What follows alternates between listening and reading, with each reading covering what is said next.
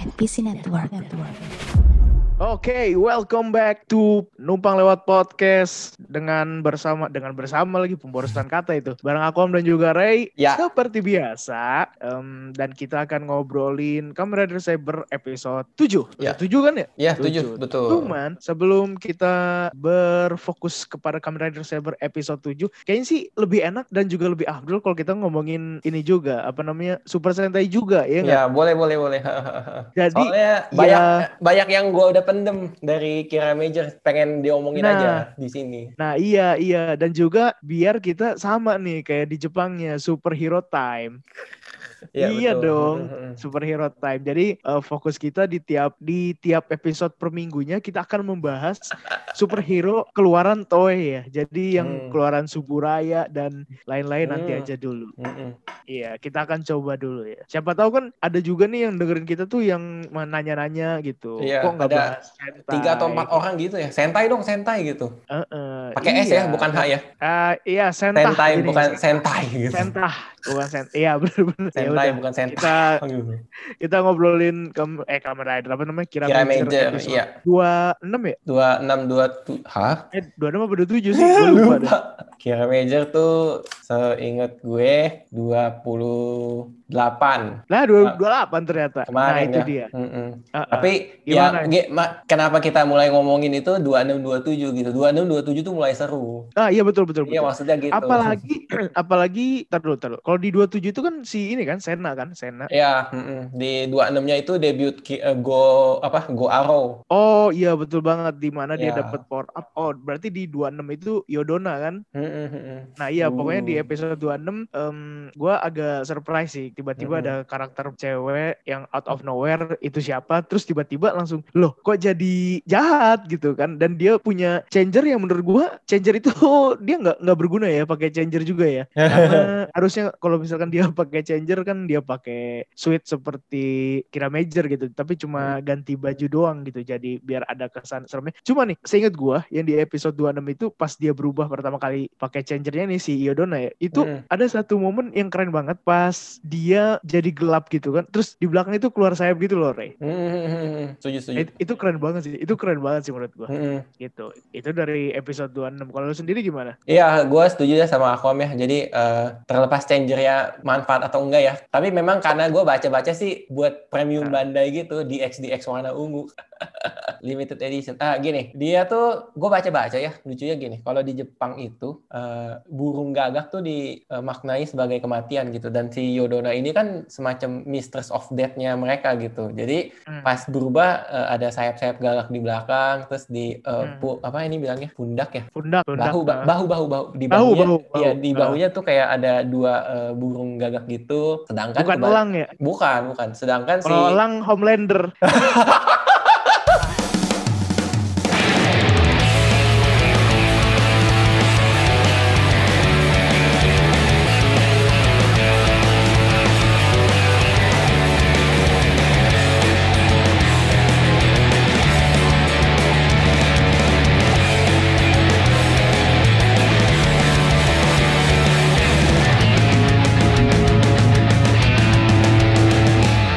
sedangkan di episode yang sama ya si Ya. Yodona Yodona kan pertama kali muncul 25 tapi dikalahkan tanda kutip atau mulai berseteru di 26 serunya nih. Di 26 oh iya. si Kira Major ini suruh eh, juru juru dapat inspirasi. Kita bikin power up namanya Go Arrow gitu Kira full Go Arrow. Terinspirasi dari Phoenix gitu burung Phoenix itu kalau di Jepang ya diartikan sebagai kelahiran kembali gitu rebirth. Nah itu Hmm. jadi yang satu jadi hidup kembali yang satu kematian gitu. Jadi ya yin dan yang aja. Oh dan iya, yang iya, yang iya. waktu itu kita sebenarnya udah sempat bahas sih, eh, gak tahu ya rekod atau nggak rekod. Pertama kalinya kayak kayaknya pertama kalinya tuh ini power up tapi bilang kita batasin limit, ah, kita punya limit power upnya 100 detik doang gitu. Hanya berselang dua episode ya, 26 ke 27 terus ke 28 mereka udah mau ngenalin mesin baru. Dan yang lucu adalah ketika sebelum mendapatkan mesin baru ini si Juru sama si Shiguru nah, ini Mm-mm, melakukan hal yang menurut gua lucu sih. Nah enaknya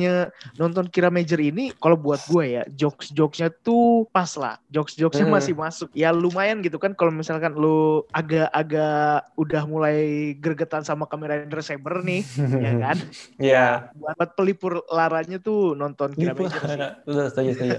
yang pas dia nyoba ini kan apa namanya menghibur si siapa namanya mesin barunya tuh Hakubo. Hakubo gitu kan terus Iya. tiba-tiba nangis terus ya itu itu kocak aja sih kocak aja Mm-mm. kalau gua Heeh. Ini kita spoiler Lalu- atau nggak spoiler sih?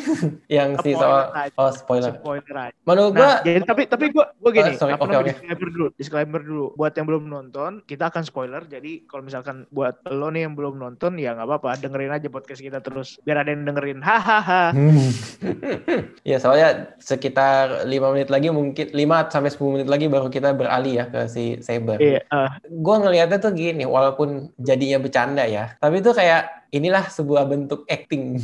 Acting Nah, acting yang berhasil tuh bisa bikin penontonnya nangis juga gitu. oh iya bener juga ya. Terus udah gitu si itu kan juru kan orangnya apa ya bilangnya bahagia-bahagia gitu menyebar eh, aura-aura positif. Tapi acting lu berhasil kalau misalkan niatan lu awalnya positif ya lu bisa menyebar kebaikan gitu. Terus si Mhm. si gurunya ngomong, ya pujian-pujian kayak lu ini yang membuat gue tuh seneng eh, untuk berperan atau berakting. Nah ini tuh yang menurut gue penting ya. Jadi menyebar positivity tuh kita apresiasi aktor-aktris aja gitu. Oh dia Oh, berperannya bagus gitu, aktingnya ini. Kalaupun kurang, ya bilang aja gitu. Oh dia kurang nih. Mudah-mudahan ke depannya film berikutnya dia nggak patah semangat dan jadi lebih baik lagi gitu. bener-bener. Dan yang lucu lagi adalah yang sempat gua nge-tweet tuh dan itu juga kayaknya udah banyak sih di mana-mana yang pas si Yodona lagi mainin iPad-nya dia tiba-tiba Iya, iya. di, di belakangnya ada Sayo. Sayo kan. Eh Apa ngapain lu? gitu? kocak banget ya itu kenapa tiba-tiba kepikiran lo begitu loh dan Hmm. herannya bisa nemu gitu bisa ketemu gitu loh ya terlepas dari itu memang skenario ya Hmm, hmm, hmm. Itu kocak aja itu gue keinget sama ini sih kartun zaman dulu ya pas kita kecil yang masih tayang di TV lokal tapi sekarang nggak tayang gara-gara KPI. wow Tom and Jerry tahu nggak Tom and Jerry? oh iya ah, Kan ah. beberapa episode Tom lagi baca buku apa, Jerry-nya nyeletuk di sebelahnya, "Oh, baca apa tuh?" gitu. Oh, "Oh, iya. anjing gitu." Eh, kok anjing? Tikus-tikus gitu maksudnya. tikus ya iya Iya, Cuma gitu. gini ya, enaknya kita nonton Kira Major ini. Gua jujur nih, dari sekian banyak tokusatsu, Super Sentai nggak terlalu ngikutin gitu. Cuma memang be- belakangan doang gitu. Gua nonton Lupin versus Pato, terus Resoldier-nya Skip, terus baru sekarang ngikutin lagi Kira Major. Gua nggak tahu Sentai-Sentai sebelumnya seperti apa. Cuma yang terlihat di apa namanya di Kira Major ini adalah masing-masing personil dari Super Sentai ini mereka tuh tampilnya punya momennya masing-masing gitu loh. Kalau gua ngelihat dari oh iya satu lagi Sentai yang gue tonton adalah Akiba Ranger ya. Kalau gua tonton dari Akiba Ranger kan gue bisa memberikan kesimpulan kalau ternyata di Super Sentai ini yang ditonjolin adalah ya si Sentai merah gitu loh. Hmm, Karakter hmm. yang kuatnya merahnya cuma di Kira Major ini bener si Juru sebagai apa namanya Kirame Reto dia itu emang leader gitu. Tapi setiap personil yang pink, hijau, terus biru, kuning dan silver bahkan kalau gue perhatiin dari episode awal mereka punya ceritanya masing-masing dan Hmm. tiap episodenya mereka ditonjolin gitu lah. Oh sekarang nih kita mau bahas si misalnya si si guru kayak misalkan sebelum episode sebelumnya si Sena gitu dan itu Hmm. menurut gue menarik. Sena bagi yang nggak tahu yang warna hijau ya. Ah, Ya, lalu setuju. ya kar- karakter-karakter yang cepat di Jepang namanya saya Sena ya. Iya sih kayaknya. Dan itu Haya Hayami Sena kan Hayami kan Hayai. Hayai itu bahasa Hayai. Jepangnya Iya, cepat gitu. cepat. Sama ini ya, eh, nggak melulu soal kekanak-kanakan segala macem ya si Sentai ini. Ah. Kalau kalian nonton tuh beberapa adegan action sequence ya, mereka tuh cukup ekspresif dan apa ya, cari-cari koreografi yang bagus gitu. Jadi kalau kalian nonton nih atau penasaran ya di episode 28 itu ada satu adegan tuh sekitar 5 menit nggak sampai 5 menit sih, tapi pertarungannya tuh kameranya nggak putus-putus. Kalian boleh cek Nah, gitu. Itu Yang tuh pas dia rebutan iPad. Iya iya, jadi Iya, kalau iya. kalau yang penasaran ya ada intinya sih untuk mengalahkan musuh di episode 28 ya ada sebuah Hmm. tablet yang harus diambil oleh si Kira Major ya nih atau si tim eh, pahlawan kita gitu. Nah pas Hmm. rebutan dia tuh kayak kejar-kejaran sama serdadu-serdadu cecuguk-cecuguk gitu, tapi dibungkus adegannya tuh dengan masuk ke suatu bangunan tua ya kalau nggak salah ya. Iya. Nah di bangunan tua ini kayak ya udah iPad atau tabletnya tuh dilempar-lempar antar musuh kejar-kejaran yang satu ke yang lain gitu. Nah tapi adegannya nggak putus-putus gitu. Wah itu bukan nggak putus-putus putus sih mungkin editingnya terlalu bagus ya jadi kita nggak tahu kapan berhentinya gitu nah itu kayak Iya. oh yes ini walaupun dibilang ini sinetron ya tapi digarapnya tuh serius gitu Nah, kalau gue nih, yang gue Hmm. menarik di episode 8 adalah pas mesin mereka pada gata ini jadi jadi robot, jadi mecha mecha ya. Hmm. Nah, di situ si monsternya itu kan kayak nyerang gitu, dan di situ ada satu bagian ada dia kayak menghempaskan angin gitu, terus ter- kayak kelihatan ada mobil-mobil terbang-terbang gitu, inget nggak? hmm ya ya ya Nah, ingat ingat ingat Mobil terus set-set kota gitu loh. Jadi Hmm, hmm, hmm. gue tuh kayak wah dulu kan kita ngeliat kayak Ultraman, mecha jadi gede gini kan ya kita tahu lah itu properti syuting gitu loh yang Hmm. rumah-rumahan gitu tapi di situ ditampil lagi gue ngerasa kayak anjir nih dulu nih kita nonton begini nih di situ ada gitu loh momen iya, itu betul betul. Eh, efek-efek praktis ya. eh iya efek-efek yang bener-bener bikin tokusatsu itu ya tokusatsu gitu loh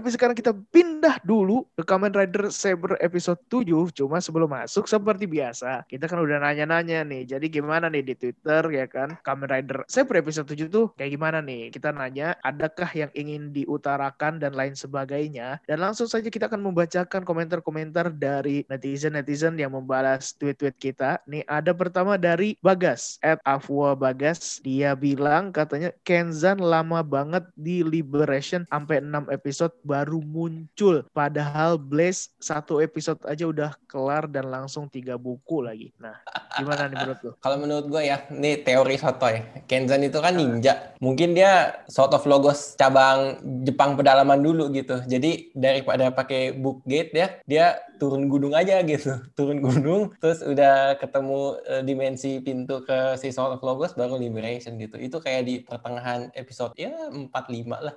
Terus ada lagi nih dari Hasan Abdurrahman, dia bilang katanya pusing mendengarkan penjelasan dari Babang Toma. Tapi saya suka bagaimana pergantian sifat dari Rintaro, keren banget dan masuk juga nggak dipaksakan. Nah ini pernah kita bahas kan kemarin ya? Iya, iya. Ya, yang lo lo bilang kan bagaimana pergantian apa namanya si karakter dari si Hmm. Rintaro yang ya ini cukup berhasil lah dibandingkan dengan lo harus mengubah tokoh yang tadinya serius, yang tadinya cool, yang tadinya jahat terus jadi wow wow wow wow wow wow wow, wow. jadi mencoba untuk trying to be funny ya kan. Nah, itu dia. Terus ada lagi nih dari siapa nih namanya? Dia namanya CEO of Breakdown. Nah, Oh, ini nih. CEO-nya ini Metsubo Jinrai dia. Iya, iya. Dia bilang it's getting more interesting. Moga nggak hancur di tengah kayak Ghost. Iya iya, mudah-mudahan nggak ya. Tapi kayak gue baca-baca, Ghost tuh karena ini bukan hancur ya. Gue bilangnya eh, agak inkonsisten eh, dari segi eh, alur cerita karena penulisnya tuh lebih dari dua, setahu gue si Ghost gitu. Jadi kayak, wah acak adut deh. Jadi menuju akhir kayak versinya siapa, versinya ini, versinya itu, versinya siapa lagi gitu. Mudah-mudahan nggak gitu sih, Iya mudah-mudahan. iya. Mudah-mudahan sih. Dan soalnya ini kan ridernya banyak juga ya. Jadi Hmm. mudah-mudahan setiap ridernya juga porsinya pas gitu loh. Nggak kayak cuma numpang lewat numpang lewat doang. Wah kayak podcast kita dong. Waduh. Terus ada lagi dari Amalia Pratiwi. Wah ini perempuan juga, perempuan ya. Wow, nggak apa-apa dong, bagus dong. Wah mantap juga nih, keren keren. Ini kata Mbak Amalia Pratiwi, pencarian Wonderite Book Arthur agak gimana gitu. Kalau mau ikutan legenda King Arthur, mending Wonderite Booknya ditancepin di batu. Hmm, Oh, kalau gue boleh komentar ya Wam ya, adaptasi King Arthur kan kayaknya banyak versi nih zaman sekarang. Gue pernah baca ya, Hmm. kadang ada yang cerita si King Arthur itu pas mau meninggal, eh, pedangnya diserahin ke siapa, dilempar ke sebuah kolam magis gitu. Jadi ya antah berantah pedangnya dan mungkin aja kan kayak di sini itu ya kan ngambang Wonderite Book Aval apa Wonderite Book Arthurnya kemarin ya kan. Oh iya iya. iya. Ngambang Betul, dia betul. dicaplok aja hap gitu. Terus ada lagi dari Ivan Ramadan Satria. Dimulainya Battle of Kamlan antara Saber versus Kalibur menarik ditunggu apakah bakal berakhir tragis seperti legenda King Arthur atau happy ending gitu katanya. Tapi eh, dia kan menyinggung Saber versus Kalibur. Kayaknya antara Saber dengan Kalibur itu kayaknya ada ini ya. Ada sesuatu yang mereka tuh memiliki interaksi tersendiri gitu loh. Karena kan untuk membuka Avalon aja mereka itu kan harus mempertemukan dua ekor naga gitu baru baru pintu si Avalon itu terbuka gitu. Kalau menurut lu gimana, Ray? Eh, gue belum bisa komentar banyak. Kalau ini kayaknya eh, cerita Nah. utama ya. Tapi iya iya menarik menarik nih. Komen komentar tweetnya menarik nih. Iya kan? Iya, gue gue kemarin mikir gitu sih. Ini kayaknya antara Saber sama Kalibur tuh kayaknya ada sesuatu deh gitu. Mm-mm. Gitu. Setuju, setuju. Atau mungkin nanti ada sebuah teori bahwasanya ternyata yang harus menjadi second rider ada Kalibur. Wah. Yang jelas gini, yang jelas gini. Dia kan warnanya warna dasarnya ungu kan. Mm-mm. Ini Toei udah sering banget mainin karakter jahat itu pakai warna ungu kan. Nah, Mm-mm. gua rasa sih someday dia akan jadi baik dan dia akan jadi koplak udah itu. Kita akan lihat. Jangan jangan, gue masih percaya ungu era Rewa tuh kayak Horobi. Ungunya Rewa itu Horobi ya teman-teman. Horobi. Tauser aja ada ungunya kan, ada ungunya dikit. Ya tapi Tauser. Tauser kan itu Golden Soldier sebutannya. Enggak enggak enggak bisa enggak bisa. Terus ada lagi satu lagi nih ya, kayaknya nih satu lagi nih dari Dini Nur Hidayati. Nah, mantap Mm. sekali. Banyak juga ya ternyata yang follow kita ini dari Bagus lah. Semakin rame. ini menandakan bahwasanya memang Kamen Rider Super Sentai itu memang tontonan buat anak kecil tapi buat siapa pun, laki perempuan ya kan. Iya. Nah dia, setuju, dia setuju. bilang ini penjaga Avalon apa benar si Mas Duren? Eh, setelah gue baca-baca, eh, kayaknya, kayaknya, kayaknya, kayaknya, Kayaknya iya, kayaknya iya ya. Soalnya kayaknya iya. pas kalau gue nonton yang subnya yang mana gitu, di kredit depan ada terjemahannya namanya dia gitu, Metal Yoshida. Oh, oh, iya, Iya nggak iya. sih? Ya udah, ya udah, udah terjawab berarti kan? ya Tapi- udah, udah terjawab. Tunggu, kalau gue salah baca mohon maaf ya. Iya, nggak apa-apa. Nanti kita akan lihat di episode-episode selanjutnya. Cuma overall menurut lu gimana episode 7 ini? Episode 7 ya? Ya, ya, tujuh tujuh. Seru. Ya, menurut lu gua, gimana? gua suka banget. Gua suka banget. Nih, sebelum gua lanjut, gua mau eh, ucapkan apresiasi yang setinggi-tingginya untuk Aquam ya. Karena Kenapa? dua dari prediksinya tuh beneran terjadi. Wah, Desas masih hidup Oh, sama iya, eh. Semua-semua bisa punya get right phone. Nah, itu dia. iya. Padahal saya selalu ngomong loh. Iya, dan dan itu dengan mudahnya dijelaskan. Loh kok dia masih hidup? Iya, dia nggak bisa mati-mati. Udah singkat jelas padat banget gitu. Kayak nggak ada tuh ceritanya, oh nyawanya berapa gitu. Enggak, enggak, enggak, enggak. enggak. Aduh, aduh, lucu banget. Tapi itu. kalau misalkan lu ngeliat Desas, kira-kira dia bisa bakal kayak ini gak sih? Kayak Graphite gitu. Yang waktu di X8 tuh. Eh, Graphite itu kalahnya kenapa ya? Gue lupa-lupa inget loh. Yang jelas dia nantinya ya bakal temenan gitu loh. Soalnya ngeliat kayak si Paradonya udah insap, ya udah dia ikutan insap gitu loh. Oh. Ujung-ujungnya gitu. Ujung-ujung Iya, iya, kayak iya, iya. sadar bahwasanya sebetulnya ada sesuatu yang harus dilakukan gitu. Dan itu berpihak kepada kebaikan gitu sih. lebih. Hmm. Asal jangan kayak ini ya, eh, musuhnya Gaim yang nggak bisa mati-mati juga tuh namanya si Phoenix ya. Ah, Dikalahinnya dilempar ke matahari. mati hidup lagi, mati hidup lagi, mati hidup lagi di matahari gitu. Kayak Toei tuh sengaja Phoenix tuh jangan dimatiin. Man- mana tahu eh, perayaan 10 tahun serial Waduh. Wiza kita munculin gitu jadi Waduh. musuh utama. Waduh. Uh, Dan kalau misalkan lu bilang seru, gua sih Hmm, ya mungkin cuma preferensi ini aja ya, preferensi pribadi ya. hmm, Seru, gue bilang ya seru karena di situ fightingnya banyak ya. hmm. Dan yang berantem itu nggak cuma satu dua rider gitu, tapi eh, yang bikin agak sedikit sedikit boring sebetulnya pas si Brave, eh si Brave siapa namanya si Saber, si Toma sama si Ken Kento ya. Gimana gimana? Namanya? Eh, ya, heeh. si Tomo sama si Kento yang pas mau ke Avalon tuh Hmm. itu menurut gue sih agak-agak aduh lama banget dan di sana juga ketemu Kalibur kayak kurang greget gitu mereka bertarung gitu loh Iya, itu kayak Tom and Jerry gitu ya, kejar-kejaran tahan-tahanan gitu. cuma begitu-begitu doang terus yang ya pokoknya yang bertarungan antara Kenzan terus dan lain-lain sebagainya yang musuhnya banyak juga menurut gue itu lumayan seru kenapa lumayan balik lagi kayak di sebelumnya ini kan cuma durasinya cuma ya 20 menitan lah ya Hmm, total hmm, ya hmm. gue rasa dengan adegan yang harusnya bisa dibikin lebih epic lagi dan dengan durasi yang singkat ini agak kurang ya cuma masalah preferensi aja Hmm, hmm. kurang kurang kurang lama cuy Iya, iya. berantem berantem kayak gitu tuh Jadi harus dikurangi nih durasi si Tasel.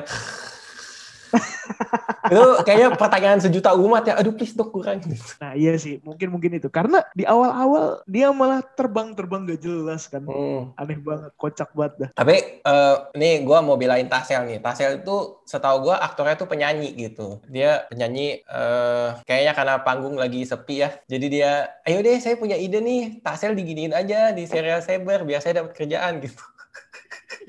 mungkin, mungkin, mungkin. Ya cuma itu sih ya, ya bagus lah. Kalau kalau gue ngelihatnya ya kenapa agak turun atau kenapa kayak ini ya. Ini tuh kayak mau ini eh, mempersiapkan babak baru dari ceritanya arc gitu. Kalau kalian baca eh, komik, anime gitu-gitu kan kadang di sebuah serial ada arc-arcnya gitu ya. Kayak cerita-cerita kecil gitu. Nah, ini tuh kayak ya udah ini udah mau mulai babak baru nih. Eh, misalkan si Saber ini layak nggak sih pegang si King of Arthur book ini gitu.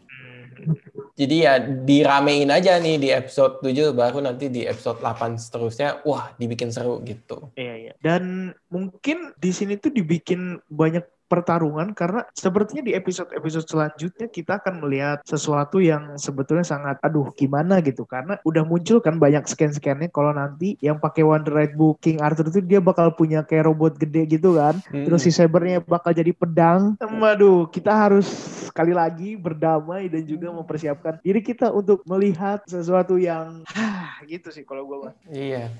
Aduh Terus kan banget. terus apa namanya si Blaze dapat form baru Hmm. Dengan tiga One Right Book, Lion Senki, terus Peter Fantatista, sama, Sama satu lagi Tenku no Pegasus. Pegasus dari Senki surga. Pegasus, Pegasus dari surga. Nah menurut lu gimana nih form barunya dari si ini Blaze? Eh, di catatan gue sih, gue suka ya eh, kedatangannya nih yang perlu di highlight ya. Gerak-gerik pedangnya tuh masih cantik seperti di episode 2. Dan di beberapa kesempatan tuh sebenarnya dari episode kemarin udah sih. Pas pukulan pedang jurus dan lain sebagainya, si mereka tuh eh, pembuat filmnya ya berani pakai efek air sungguhan gitu disemprot jas gitu. Nah itu tuh gue paling suka gitu kalau ada permainan sama air gitu. Dan itu kayaknya airnya beneran ya, bukan bohongan gitu, bukan pakai ini, bukan pakai komputer gitu. Efek-efek. Iya, jadi beneran ya di sekitarnya bahasa lah gitu. Cuman memang kalau dari pribadi ya, gue nggak ngelihat eh, ini tuh kemampuan wow-nya dari si Pegasus tuh apa gitu. Keluar Pegasusnya kah atau enggak gitu. Apa cuman kasih lihat bahwa dia bisa terbang gitu. Bahkan dari segi form juga, kalau misalkan lu ngeliat nih tampilannya kayak gimana, gue ngerasanya si Ber- Ber- apa namanya Blaze, Blaze, yang iya. dapat uh, yang pakai tiga Wonder Right Book ini, itu kayak ya udah Blaze biasa aja, Blaze hari-hari biasa aja Mm-mm. begitu kayak nggak ada yang spesial nggak ada yang ya udah rider warna biru doang gitu loh Mm-mm. Setuju setuju. Kurang kayaknya kemampuannya kurang di ini nih, kurang tereksplor ya. nah mungkin bisa masuk ke situ kali Rek karena durasi Bisa bisa. ha-ha. Tapi Karena ini sini- tapi eh sorry sorry kenapa? nggak karena di sini tuh fokusnya kan jadi terbagi-bagi kan Iya iya setuju setuju. Kenzan dan lain-lainnya itu harus berhadapan dengan monster terus si siapa namanya Rintaro juga dia kayak ingin membalaskan dendam gurunya mengalahkan Garurumon terus si si Toma juga ada urusan nih apa namanya rek bato rekanya eh rekanya itu apa sih namanya? Ken reka ya? Kayak iya. rekanya itu Kayak kan rekanya eh, ini madat.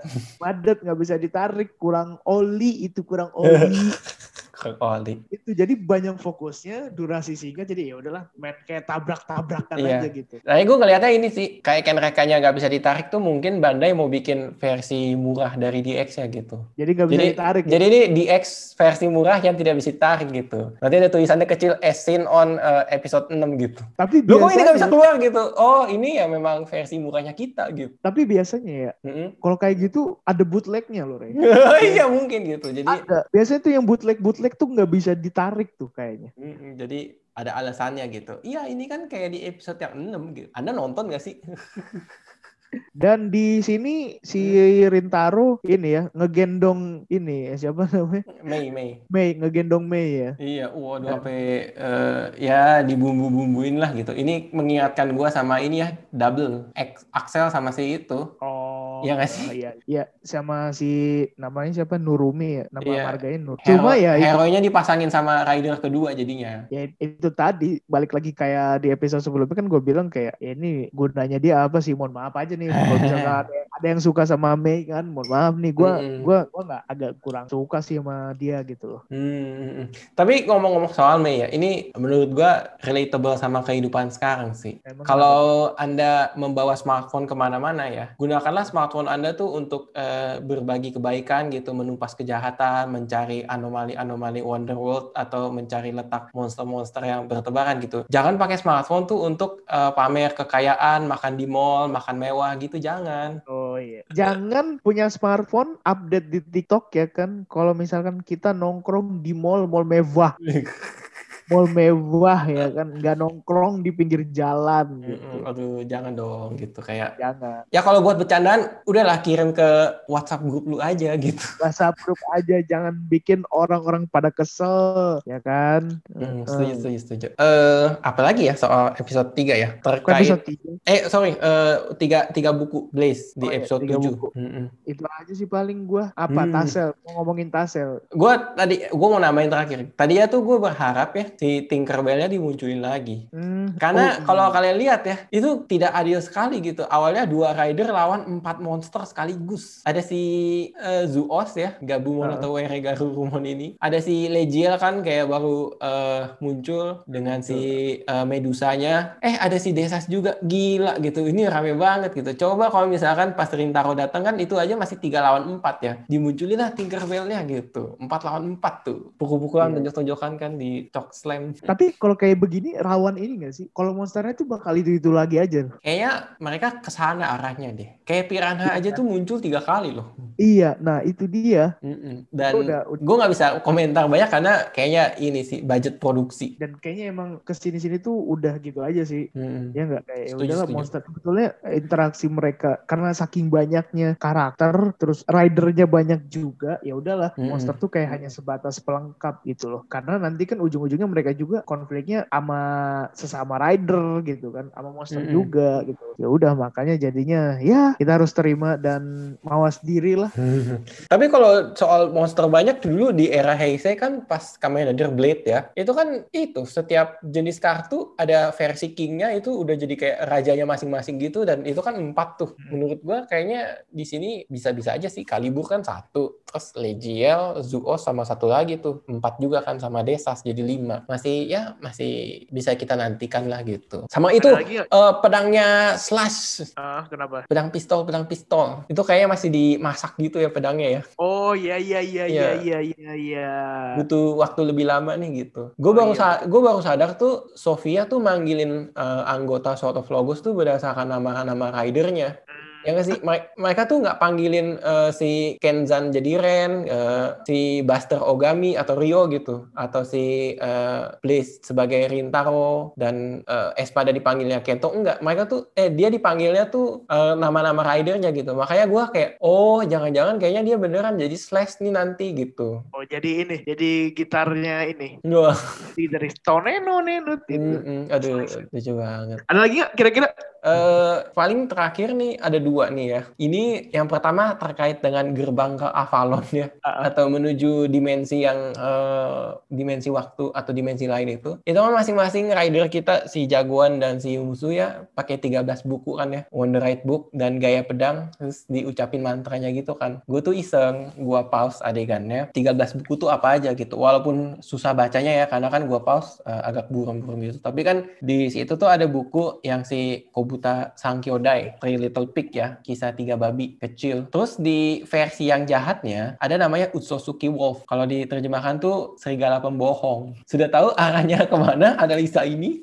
iya iya iya Jadi kan Eh, kayak oh ini ya mungkin berhubungan gitu. Walaupun nggak semuanya ada eh, counterpartnya gitu ya, versi jahatnya gitu enggak, tapi ya oh mereka kreatif juga ya bikin-bikin ininya gitu. hmm ya ya ini kan karena mereka di Jepang ya Mm-mm. Da- jadi mereka bikinnya bukunya itu ada 13 buku untuk bisa masuk ke Avalon. Coba kalau di Indonesia mereka cuma butuh satu buku, buku RPUL. かつて蒼白の翼を持つ真珠が天から輝き舞い降りた流れ抜刀